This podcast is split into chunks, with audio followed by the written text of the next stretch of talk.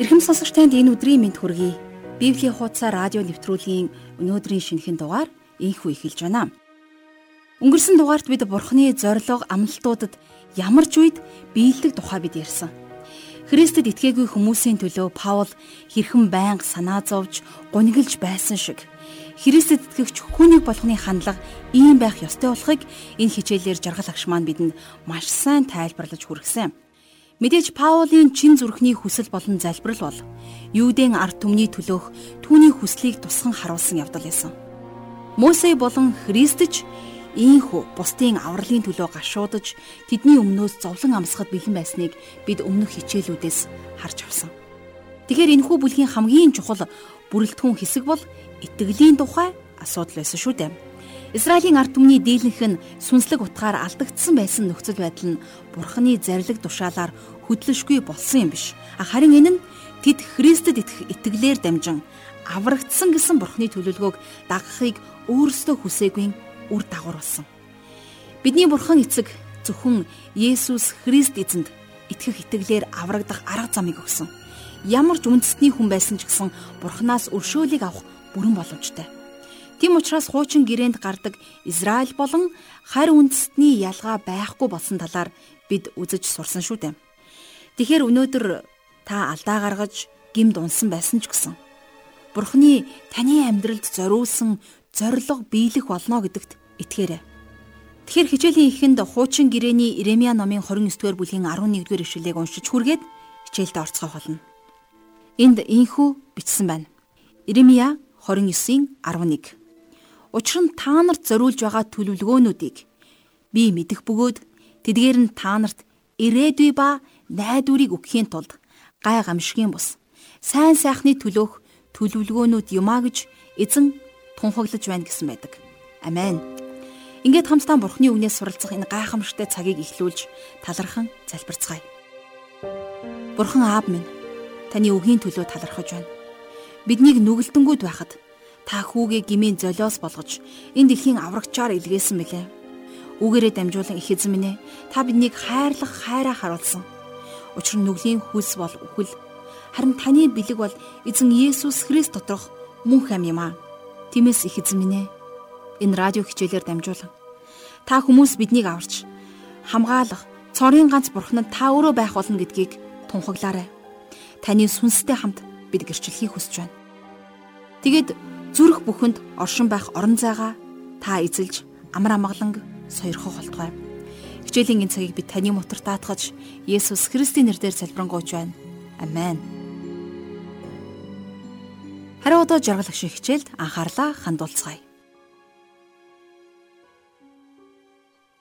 За та бид хамтдаа өнгөрсөн хичээлээр Паул Израилийг өнгөрсөн түүхийн дагуу 8 тодтглоор тодорхойлсон тухай хамтдаа үзэж судалсан.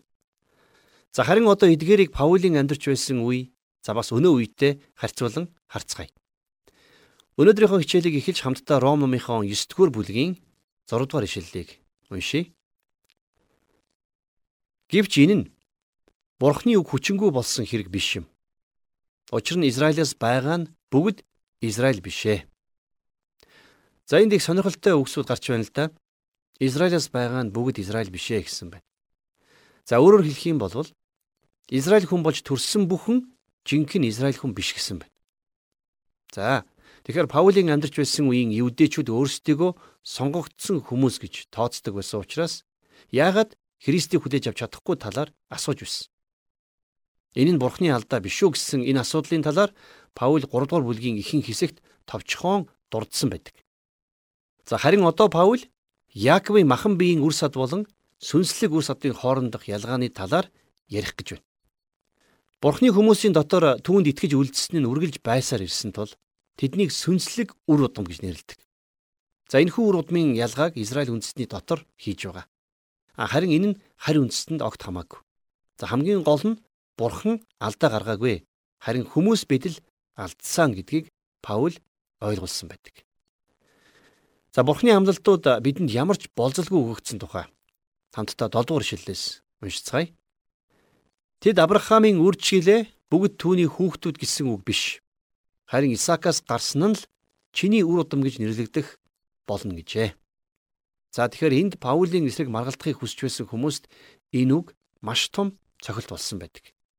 Хэрвээ үр удмыг махан биеийн дагуу тооцдог бол Ишмаил, Медиан болон Идомчууд энэнд орох байсан. За араб хүмүүс ч гэсэн Авраамийн удам мөн учраас ялгаагүй л орох байсан. Евдэчүүд нэгэн удаа Есүс эзэнд бидний эцэг бол Авраам мөн гэсэнд Есүс тэдэнд хэрв та нар Авраамийн хүүхдүүд байсан бол Авраамийн хийснийг л үйлдгсэн. Та нар эцэгч нь болох диаволоос гаралтай. Та нар эцгийнхээ хүслийг хийхийг хүсдэг. Тэр чинь эхнээсээ алуурчин байсан бөгөөд үнэн дотор зогсдгүй. Учир нь түүнд үнэн байдгүй. Тэр худал хэлэхдээ чухам өөрөөсөө хэлдэг. Учир нь тэр худалч бөгөөд худал хуурамгийн эцэг нь юм а гэж. Иохан номын 8 дугаар бүлгийн 39-оос 44 дугаар ишлэлүүдээр хэлсэн байна.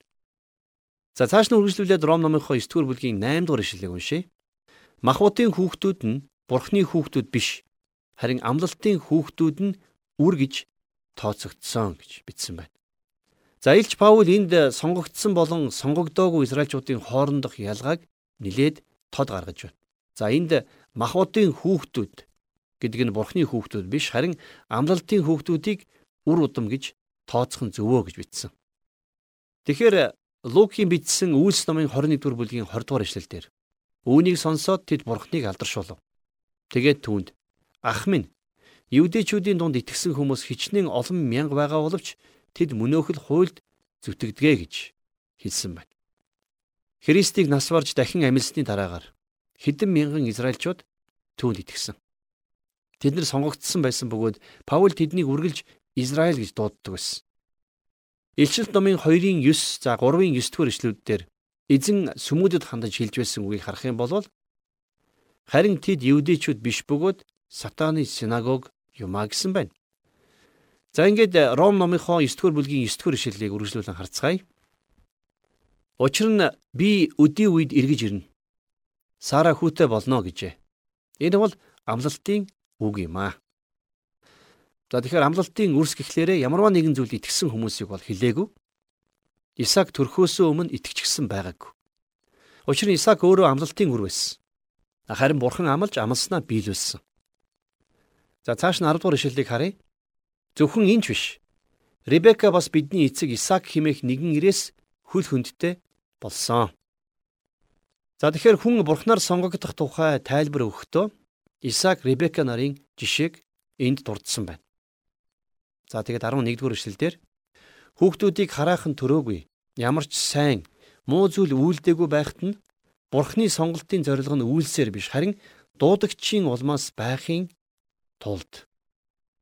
За тэгэхээр энэ ишлэл гарч байгаа үнэн маш их чухал ашиг бүгдэлтэй байдаг. За тэгэхээр Бурхан Ишмаилыг голсон учир шалтгааныг тайлбарлаж болно. Харин Исаак болон Ребека нарын хоёр ихэр хүүгийн хувьд яагаад нэг нь илүүд үзэгдсэнийг тайлбарлахад хэцүү байдаг. Бурхан ууганхүү болго ахыг нь биш харин дүүг нь сонгосон. А тэр үед Яаков муу зүйл хийж Исав гим зэмгүй байсан. Тэгэхээр Бурханы сонголт нь тэдний зан чанар хийсэн үйлсээс нь шалтгаалаагүй байна. Харин Бурханы сонголтын зорилго нь дуудагчаасаа болж гэж Паул хэлсэн байна. Тэгэхээр энэ бүхэн хүний үйлсээс биш харин цэвэр Бурханы сонголтоос хамаарсан байх нь. А гэхдээ энэ ишлэлд гарч байгаа дуудлага нь авралт дуудах дуудлага биш юма гэдгийг та бид нар ойлгох хэрэгтэй. За үргэлжлүүлээд 12 дугаар ишлэлийг харъя. Том нь багада зарцлагдана гэж ихт нь айлдсан ажээ гэсэн байгаа. За энэ бол Эхлэл номын 25 дугаар бүлгийн 23 дугаар ишлэлээс иш татсан үг байна. За энэ хүү амлалтыг хөвгүүдийг төрхөөсөн ч өмнө тэр хоёрт өгсөн байсан. За цааш нь үргэлжлүүлээд харах юм бол эзэн түүнд чиний хөвлийн дотор хоёр үндэстэн байна. Чиний биеэс хоёр үндэстэн салах бөгөөд нэг үндэстэн нь нөгөөгөөсөө хүчтэй ба том нь багада зарцлагдах болно гэлээ. Хэдийний өгөгдсөн амлалт гэдгийг энд маш тодорхой хэлсэн байгааг бид нэр харах боломжтой. За харин цааш нь үргэлжлүүлээд 13 дугаар ишлэлийг хамтдаа уншийе. Энэ нь би Яаковыг хайрлаж Исавыг үдсэн ядсан гэж бичигдсэнчлэн юм а гэж. За энэ нь хуучин гэрээний сүүлийн номноос иш татсан үг байна. За юу вэ гэхээр Малах номын 1-р бүлгийн 2-оос 3 дугаар эшлэлдэр Би та нарыг хайрлсан гэж эзэн айлдаж байна. Гэвч та нар та биднийг яаж хайрлсан бэ гэж асуудаг. эзэн тунхаглаж байна. Исав нь Яаковын ах босуу. Гэсэн ч би Яаковыг хайрлаж харин Исавыг үзен ядсан. Би түүний уулсыг хоосруулж түүний өвийг цөлийн цөөвөр чоннуудых болгосон гэж бичсэн байна. Энэ үгийг хоёр хүү амьдарч 2000 жилийн дараа тэднээс хоёр үндэстэн бий болж түүх бичигдсэний дараа хэлсэн байдаг. За бурхан яагаад Исавыг сонгож аваагүйг тайлбарлахад энгийн. Учир нь тэр маш их бардам, за их муу зан авиртай хүн байсан. Хожим тэрний удамч гисэн бурханаас иргсэн байдаг. А гэтэл яагаад бурхан Яаковыг сонгож авсныг ойлгоход хэцүү байдаг. Хэрвээ та санаж байгаа бол Яаков худалж байсан шүү дээ. А гисэн хэдий ч бурхан өөрийнхөө зорилгын дагуу сонгодгиймаа гэж Библи бидэнд хэлж байна. 14 дугаар эшлэлдэр тэгвэл бид юу хэлэх вэ? Шудраг бус юм бурханд байдгүй. Огт үгүй.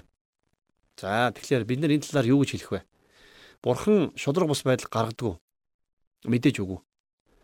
Хүний төрлөх зан чанар бурхны зорилгыг эсэргүүцдэг. Бурхан ямар нэгэн зүйлийг сонглоо гэхэд хүн бурхныг шудраг биш байна гэд шууд буруутгадаг. Учир нь та бид нар өөрсдийн улс үндэстний удирдагч хаад ноёдоор маш их бахархах дуртай. Харамсалтай тэр хүмүүс алдаа гаргаж олон хүний амь насыг эрсдүүлдэг. А хэдий тийм ч гэсэн бид нар тэднийг хүндэлсэн хэвээрээ байдаг. Тэднийг алдаатай хүмүүс гэдгийг бид нар мэддэг хэрнээ харин Бурхны хүсэл зорилгыг ойлгохоос үргэлж татгалздаг.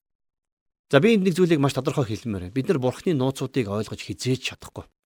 Харин түүний шудраг гэдэгт итгэж болно. Бид нэр сонголтын тухай онолыг тойрч өнгөрөх боломжгүй. За бас бурхны сонголтыг хүний бодолтой нийцүүлэгч боломжгүй. Учир нь бүх орчлын ертөнцийг тэр бүтээсэн. За тийм учраас тэр бүгдийг мэдэж байгаа гэдэгт итгэсэн нь энгийн. Бурхан бидэнд амийг өгсөн хэдий ч гэсэн бас дуртай үедээ буцаан авч чадна. Тэгэхээр түүнд юу хийхийг нь заах эрх бидэнд байгаа гэж юу? Үнэн дээр энэ бол боломжгүй шүү дээ. Төвний хийсэн сонголт зөв гэдгийг л бид хүлийн зөвшөөрөх боломжтой. За магадгүй танд бурхны хийж байгаа зүйлс таалагдахгүй байгаа бол та бидний ертөнцөөс гарч өөрөө шинэ ертөнцийг бий болгох хэрэгтэй л дээ. А гэхдээ ингэх нь ямар ч боломжгүй гэдгийг та бид нар сайн мэдж байгаа. Учир нь бид бурхны бүтээсэн ертөнцид амьдарч байгаа учраас түүний хүслээр амьдрах хэрэгтэй болно. Бид түүний өмнө сүгдэж таны дотор зөвхт бус байдал нь байхгүй гэж хэлэхээс өөр аргагүй. За яриага цааш нь үргэлжлүүлээд 15 дугаар ишлэгийг уншийе. Учир нь тэр Мосед би өршөөх хүнээ өршөөнө, би өрөвдөх хүнээ өрөвднө гэж айлдсан юм аа. За тэгэхээр Мосе бурхны алдрыг харахыг хүсэж байсан талаар бид өмнөх хичээлүүдээр үзэж байсныг та санаж байгаа баха. Харин бурхан тэрний хүсэлтийн хариуд Мосе би чамд харуулна. Гэхдээ чи Мосе учраас чамд харуулж байгаа юм бишээ гэж хэлсэн байдаг. За бурхны хувьд Мосе бол маш чухал хүн байсан гэдгийг та бид нар мэдэж байгаа. Учир нь тэр Израилийн хүүгүүдийг цүл дундуур чөлөөлөн удирдах явж байсан. За тийм учраас бурхан би өршөөх нэгний өршөөнө. А чи Мосе биш учраас би бурхан учраас л энийг хийж байгаа юм шүү гэж хэлсэн байна. Тэгэхээр бурхан таныг бас намайг яагаад сонгосон болохыг та ойлгосноо? Яагаад гэвэл тэр бурхан учраас юм. Тэр зөвхөн өөрөө сонголтоо хийдэг учраас бид түүний өмнө сүгдөхөөс өөр аргагүй. За цааш нь 19 дэх ишлэгийг хамтдаа уншийе. Ингэхлээр энэ нь хүсдэг эсвэл хичээдэг хүнээс биш. Харин өршөөлт бурхнаас хамаардаг ажгуу. За бурхны өршөөл инэрлэн хүний хүслээр өгөгддөг юм биш. Бас хүний үйлсийн ч шагнал биш. Бурхны үйлдэлийг хүний хүсэл, хүний ажил хизээч удирддаггүй. Ер нь ямар ч хүн өөрийнхөө хийсэн үйлдэлд сайрхаж түүний зүтгэлийг бурхан таашаалаа гэж бодох дуртай байдаг. А тэгвэл бурхан өршөөл үзүүлэхдээ зөвхөн бурхан учраас л үзүүлдэг юм. Харин бид нэр түүнд эргэлзэх хин юм бэ? 17-оос 18 дугаар ишлэлдэр бичвэр өөрийнхөө хүчийг чамаар үзүүлж миний нэр дэлхийд даяар тунхаглахдахын тулд чухам энэл зорилгоор би чамайг босгов гэж фараонд айлджээ. Тэгэхээр тэр өөрийн хүссэн хүнээ өршөөдөг хүссэн хүнээ хатууруулдаг. Энд бурхан фараоныг ашигласан гэж хэлж байгаа биз? А гэхдээ фараон сонгогдсон хүн байгаагүй гэж та магадгүй хэлэх бах. А ер нь бол бурхан тэрэнд олон боломжийг өгсөн. Фараон би бол фараон би шийдвэр гаргадаг нь. Би Израильчуудыг явуулахгүй гэсэн ч чи явуулахгүй гэж бодож болно. Гэхдээ чи явуулнаа гэж Бурхан хэлсэн байна. За учир нь яагаад үг гэхлээр Бурханы хүсэл зориг заавал биелж байдаг. Бурхан фараоны зөргсдгэлийг хатууруулсан гэж Библиэлд бичсэн байдаг ч гэсэн Бурхан тэрүүгээр өөрийнхөө шийдвэрийг гаргуулсан гэсэн утгатай. За нэг үгээр хэлэх юм бол Бурхан тэрэнд өөрийнх нь хүсэж байсан зүйлийг хийх боломжийг өгсөн байна. Тэгэхээр тамд орсон хүн өөрийн сонголтоор ордог. За тийм учраас та яг одоо өөрийнхөө төлөө нэгэн сонголтыг гаргах ёстой болоод байна. За 19 дэх ишлэлийг үргэлжлүүлэн харъя. Тэгвэл чи надад яагаад тэр өнөө хүртэл өө хайсаар байна вэ? Хин түүний хүслийг эсэргүүцэж чадах юм бэ гэж хэлнэ. За энэ бол хүний бодол. Бурхан нэгэнд фараоны зүрхсэтгэлийг хатууруулсан. А тэгсэн хэрнээ яагаад тэрнийг буруутай гэж хэлж байгаа нь үнэхээр сонирхолтой байдаг. А үнэн дээр фараон бурхны хүслийг биелүүлж байсан хүн тийм ээ. Тэгэхээр энэхүү үйл явдлыг бүгдээрээ цааш нь 20 дугаар ишлэлээс үргэлжлүүлэн харъя. Харин бурхны эсрэг хариу хэлдэг хүн чи хэн юм бэ? Баримл нь та яагаад намайг ингэж хийв гэж баримлчиндаа хэлдэггүй. За энэ бол логикийн асуудал байна. Хүний оюун ухаанаар энэхүү асуултанд хариулах боломжгүй. Хариулт нь зөвхөн Бурхны агуу нууц болон бас Бурхны зориг дотор оршиж байдаг. Тэгэхээр итгэл нь энийг зүгээр л хүлээж авахыг хэлдэг. Харин итгэлгүй байдал бол энэний эсрэг тэрсэлдэж Бурхныг эсэргүүцсээр байдаг. Нэгэн яруу найрагч үл итгэгч хүнийг чи ганц ч одыг бүтээж ганц ч навчийг урлж чадахгүй хэрнэ. Энэ бүхнийг бүтээсэн нэгэнд хэрхэн эргэлзэж зүрхэлнэ вэ гэж бичсэн байна. Тэгэхээр бурхан бол бурхан. Харин хүмүүс бид нар энийг хизээч өөрчлөх боломжгүй. За ингээд дараагийн ишлүүд дээр Паул шавар хийгээд ваарчны жишээг үргэлжлүүлэн ашиглаж байгаа талаар хамтдаа цааш нь уншицгаая. Тэгэхээр Эхлэл номон дээрс та бид нар үзэж байсан тийм ээ. Бурхан анх хүнийг газар шорооноос бүтээсэн гэж. Тэр яг ийм байдлаар сармагчин бүтээгээгүй ч гэсэн хүн өөрөө өөрийгөө сармагчин шиг дорд байдалд оруулсан. Тэгэхээр хамгийн чухал гайхамшигтай үнэн нь юу вэ гэхлээр Бурхан хүнийг газрын тоосноос бүтээсэн. За энэ тухай дуулал номын 103 дугаар дуулалын 13 дугаар эшлэлдэр бид бол тоос шороо юмаа гэдгийг тэр санаж байдгаа гэж бичсэн байна. А гэтэл бид нар заримдаа хэрхэн юунаас төрж бүтээгдснээ мартдаг. А тэгвэл Авраам энийг сануулж Эхлэл номын 18 дугаар бүлгийн 27 дугаар эшлэлдэр маш нэгэн чухал зөв үннийг хэлсэн байна. Би өөрөө тоос шороо мэд өчүүхэн амьтан боловч эзэнд үг хэлэхээр зүрхэллээ гэж. За тэгэхээр бид нар Авраамын хэлсэн энэ үгсийг санаж явах хэрэгтэй. За ингээд шавар хийгээд ваарчны жишээг 21-р ишлэлээс хамтдаа харцгаая. Нэг л зурмагны шавраар хүндтгэлийн нэг сав ердийн хэрэглээний өөр нэг савыг хийхийн тулд ваарчин шаврынхаан дээр ирэх мэдлгүй гэж юу? За бас л нэгэн чухал асуултыг асууж байна. Бурхан өөрийнхөө авралын зорилгыг гүйцэлдүүлэхдээ хинтээч зөвлөлгүйгээр тодорхой хүмүүсийг ашиглах эрхтэй байдаг талаар Паул энд өгүүлж байгаа юм. Бурхан хүн төрлөختний шавар дундаас Мосег уралсан. За бас энэ дундаас фараоныг ч уралсан. А гэхдээ энэ бүх шавар анхандаа гим нүгэлтэй бохир харахад таагүй байсан. Харин бурхан өөрийн өршөөл инэрлэр хин нэгнийг хүндтгэлийн сав болгодог. Бусад шаврыг энгийн сав болгох нь ч гэсэн бас л бурхны дархан ирэх. За 22-оос 24 дугаар ишлэлдэр үргэлжлүүлэн харах юм бол хэрэг бурхан уур хилэнгээ үзүүлэхийг мөн хүч чадлаа мэдүүлэхийг хүсэхтэй. Сүүрэл зориулагдсан уур хилэнгийн савнуудад их төвчээртэйгээр хандсан бол юу гэх вэ? Ингэснээр тэрээр алдрын төлөө урдаас өөрийн бэлдсэн өршөөлийн савнуудад евдээчүүдээс ч төдийгүй мөн харийнхнаас ч бас өөрийн дуудсан бидэнд хүртэл алдрынхаа баялагийг мэдүүлэх юмаа гэж бичсэн байна. Бурхан өөрийнхөө зорилгын дагуу дуртайгаар ажиллах болно гэдгийг Паул хэдийнэ ойлгосон байсан байна. За тийм учраас энд бурхан уур хилэнгийн савнуудад хүртэл өршөөл, инрэл, төвчээртэйгэр ханддгаа гэж хэлсэн байна. Тэгэхээр бурхан тэднийг сүрэл зориулаагүй боловч харин тэдний өөрсдийнх нь гимнүгэл нь тэднийг ийм байдалд хүргэсэн байх нь. Бурхан тэднийг шууд шийтгэж чадах байсан боловч энэ шавраа өөрийн гэлсэн сонгох эрх чөлөөтэй савнууд гэж үзсэн байна. Тэднэрт жаахан чадахгүй түүнд дуулууртай хандах хангалттай боломжийг өгч байсан. Бурхан гим нүглийг үзен яддаг ч гэсэн тэр үргэлж өршөөл инэрлээ. Өөрийн бүтээлүүдэд өгсөөр байна. За энд уур хилэнгийн сав гэж за манай эртний 70 онд устгагдсан евдээ үндэстнийг хэлж байгаа. Лук номын 23 дугаар бүлгийн 34 дугаар ишлэлдэр Есүс энэхүү сүрлийн тухай урьдчилан хэлэхдээ Иерусалим хотын төлөө уйлж ааваа тэднийг уучлаач гэж залбирч байсан. За тэгвэл манай эртний буюу манай тооллын 70 онд Израиль үндэстний эцсийн шүүлд ирэхэд Бурхан өөрт нь итгэж үлдсэн хүмүүсийг л аварч үлдээсэн байдаг. Харин эдгээр нь түрүүний бидний уншсан ишлэлдэр байсан өршөөлийн савнуудыг төлөөлсөн байна. Тэгэхээр Бурхан өнөөдөр таныг зөвхөн өөрийнхөө хүслийн дагуу сонгосон. Түүнд танд зориулсан онцгой төлөвлөгөө гэж бий. Тэр таныг өөрийнхөө гарт ваарчны шавар адил хэлбэржүүлж, төлөвшүүлж, улмаар хүндтгэлийн сав болгосоор байгаа. Тэгэхээр бидний амьдралд тулгарч байгаа болон тулгарах саад бэрхшээл бүр шийдэгдэхийн тулд биш юм. Зарим асуудал биднийг зөв сайхан хэлбэртэй ваар болгох үйл явцын нэгэн хэсэг болдгороо үнэхээр гайхамшигтай. Өөрөөр хэлбэл энэ нь таныг Есүс Христийн дүр төрхтэй улам илүү адилхан болгох Бурхны арга шийдэл юм байна.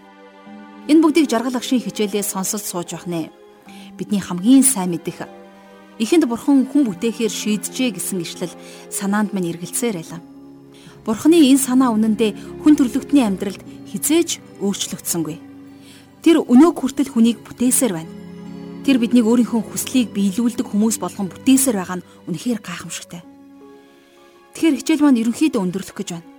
Мэдээж уламжлал ёсороо хичээлийн төгсгөл би нэгin ишлэлийг уншиж сонирдуулахыг хүсэж байна. Өнөөдрийн тухайд би Ефес номын 2 дугаар бүлгийн 10 дугаар ишлэлийг дуудаж өгмөр байна. Учир нь бид сайн үлсийн төлөө Христ Есүс дотор бүтээгдсэн түүний бүтээл мөн. Бурхан биднийг тэдгээрийн дотор яваасаа гэж урдаас бэлтгэсэн билээ гэж хэлсэн байна. Амен. Ингээд ваарчин өөрт хэрэгтэй шаврыг сонгодог. Тиймээс та түүнийг маргааш гэж хоош тавилгүйгээр хичээнгүйлэн хайж эхлээрэй гэж хэлээд өнөөдрийн хичээлээ хамтдаа өндөрлж байна. Өнөөдөр та сурсан зүйлийнхаа төлөө бурханд заавал талархан залбирч түүний хүчний гүйцлийг хамтдаа гуйж залбирцгаая. Газар шорооноос намайг хэлбэржүүлэн хүн болгож бүтээсэн бурхан аав минь таньдаа талархаж байна. Та намайг хүссэн хүнээ болгон төлөвшүүлж өгөөрэй. Танд хамгийн хэрэгтэй тэрхүү шавартанд болохыг бид хүсэж байна. Та өөрийнхөө хүүг олон дунд гаргахаас өмнө 30 жилийн турш өөрийнхөө гараар уралж хэлбэржүүлж бүтээж бэлдсэн шигэ. Та биднийг өөрийнхөө үйлчлэл дуудлагын төлөө тийхүү хэлбэржүүлж урлаарай. Бид түүний адил нэгэн хавчигдж байгаа. Мөн танд хамгийн хэрэгтэй шавраар бүтээгдсэн бүтээл болохыг хүсэж байна. Таны хүсэл биднээр дамжин. Тэнгэрт биелсэн шигэ газар дээр мөн биелэх болтугай. Бүх зүйлээ танд өргөж Есүс Христийн нэрээр залбирanгуйж байна. Амен.